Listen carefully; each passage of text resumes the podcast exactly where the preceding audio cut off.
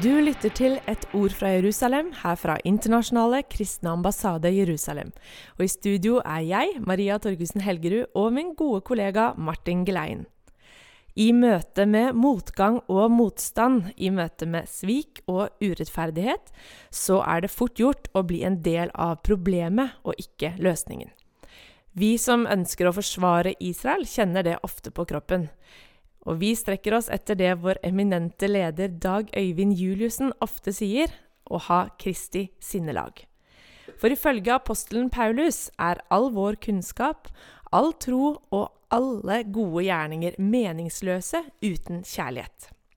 Kjærligheten til Gud og mennesker skal være drivkraften i det vi gjør, og det som motiverer og beveger oss. Og Jesus er vårt fullkomne eksempel. Norge er et lite land, men det, vi har stor eh, global innflytelse. Norge leder faktisk an i kampen mot Israel. Fortell om det, Martin. Ja, Norge har en uttalt agenda om å påvirke fagbevegelser, kirker og regjeringer i hele verden til å kritisere og fordømme Israel. Det høres voldsomt ut. Ja, det er drøyt. For LO med omkring én million medlemmer legger ikke skjul på sin agenda. LOs nestleder Roger Heimli skriver i Klassekampen at LO arbeider for en internasjonal boikott av Israel. En internasjonal boikott av Israel krever nødvendigvis at vi jobber for å få med oss fagforeningskamerater over hele verden, fortsetter Heimli. LO kjemper altså systematisk og målretta for å organisere alle fagbevegelser i verden, sine kamerater, til å stå med dem i å kreve internasjonal boikott av Israel. Og det er full boikott. Akademisk, kulturell og økonomisk. Altså intet samarbeid med Israel på noe plan overhodet.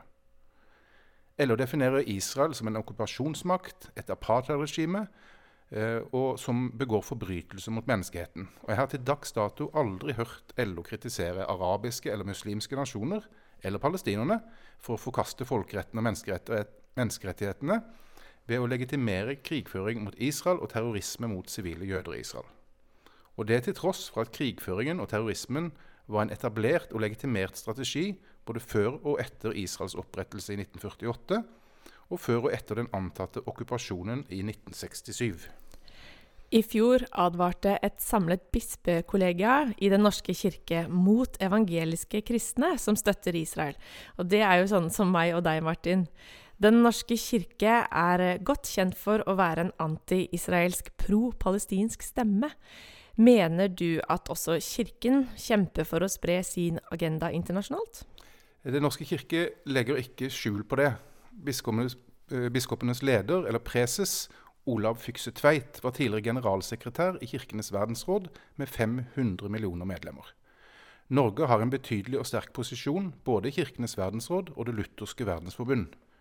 Og i likhet med Kirkenes verdensråd og Det lutherske verdensforbund bifaller norske biskoper det antisemittiske Kairos-dokumentet og den tilsvarende antisemittiske konferansen Christ at the Checkpoint, som ikke-evangeliske kirkesamfunn, kirker og kristne i Israel og Midtøsten står bak.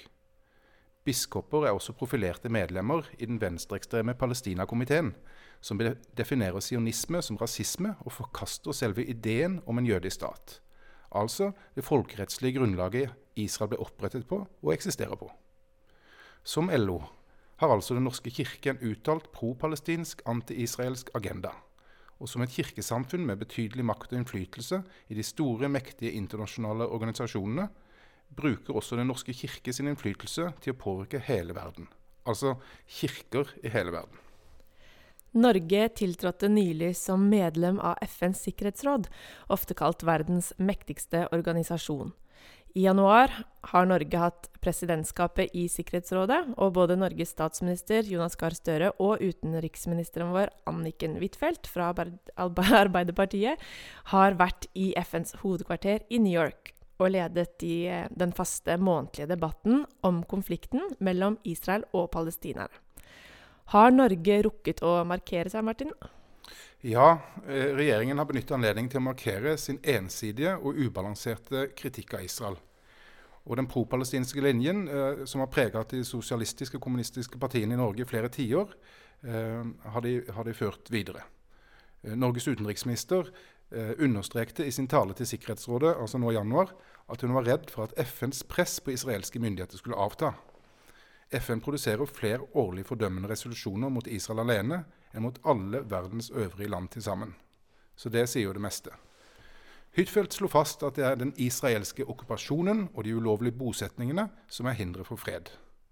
Og helt feilaktig trakk hun frem utkastelsen av en palestinsk familie fra en bygning i Jerusalem som eksempel på israelernes brutalitet og undertrykkelse.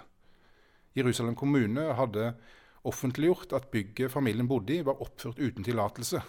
Og videre at saken har gått flere runder i det israelske rettsapparatet, og at retten i alle runder har gitt Jerusalem kommune rett i å kaste ut familien og rive bygningen. Eh, Jerusalem kommune har også informert om at eiendommen er regulert til en skole for palestinske barn med spesielle behov, seks barnehager og offentlige kontorer.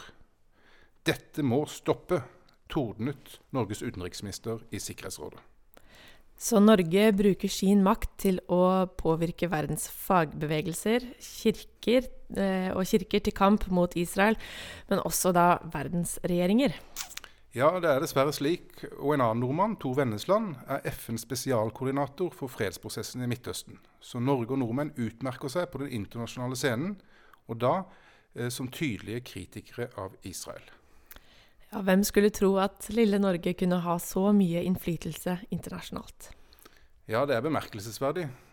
To arabiske gulfstater inngikk nylig eh, normaliseringsavtaler med Israel. Og senere fulgte to nordafrikanske arabiske nasjoner.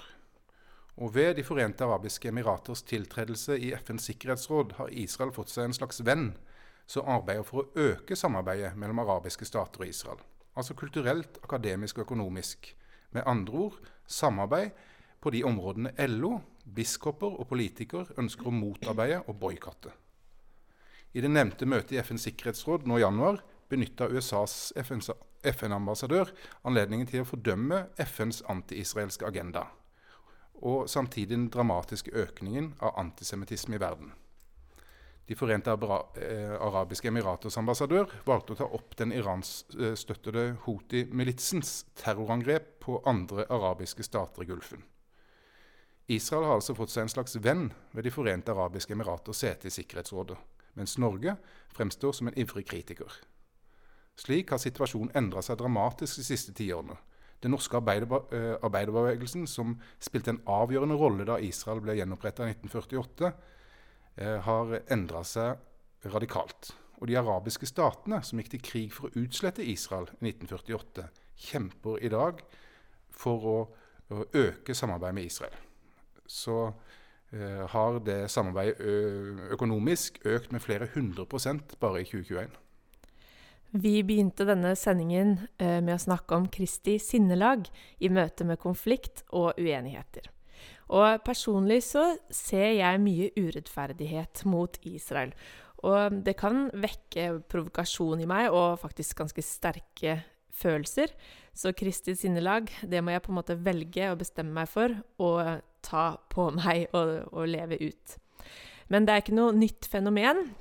27. januar ble den internasjonale holocaustdagen markert, og seks millioner uskyldige jøder jøder ble myrdet, blant dem 1,5 millioner barn under krigen. Nederlenderen Corrie ten Boom satt i en tysk konsentrasjonsleir fordi hun og familien hennes ble tatt i å gjemme jøder i hjemmet sitt.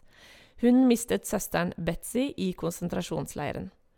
Etter krigen kalte Gud henne til å forkynne evangeliet i Tyskland. Etter et møte kom en alvorstynget mann fram til henne. Hun kjente ham straks igjen, han var en av nazistene som fornedret den avdøde søsteren hennes. Ved Guds nåde ble Corrie i stand til å tilgi nazisten, møte ham med kjærlighet og føre ham til tro på Jesus. Gud kaller oss ikke til å være blinde og døve, men han kaller oss til å elske og bevare Kristi sinnelag. Ikai reiser seg opp for jødefolket og taler Israels sak, ikke fordi vi hater arabere eller muslimer, tvert imot. Fordi vi tror det bare er én av sannheten som setter oss fri. Det gjelder både jøder, arabere og nordmenn. Du har lyttet til Et ord fra Jerusalem, og i studio satt jeg, Maria Torgussen Helgerud, og min kollega Martin Geleien.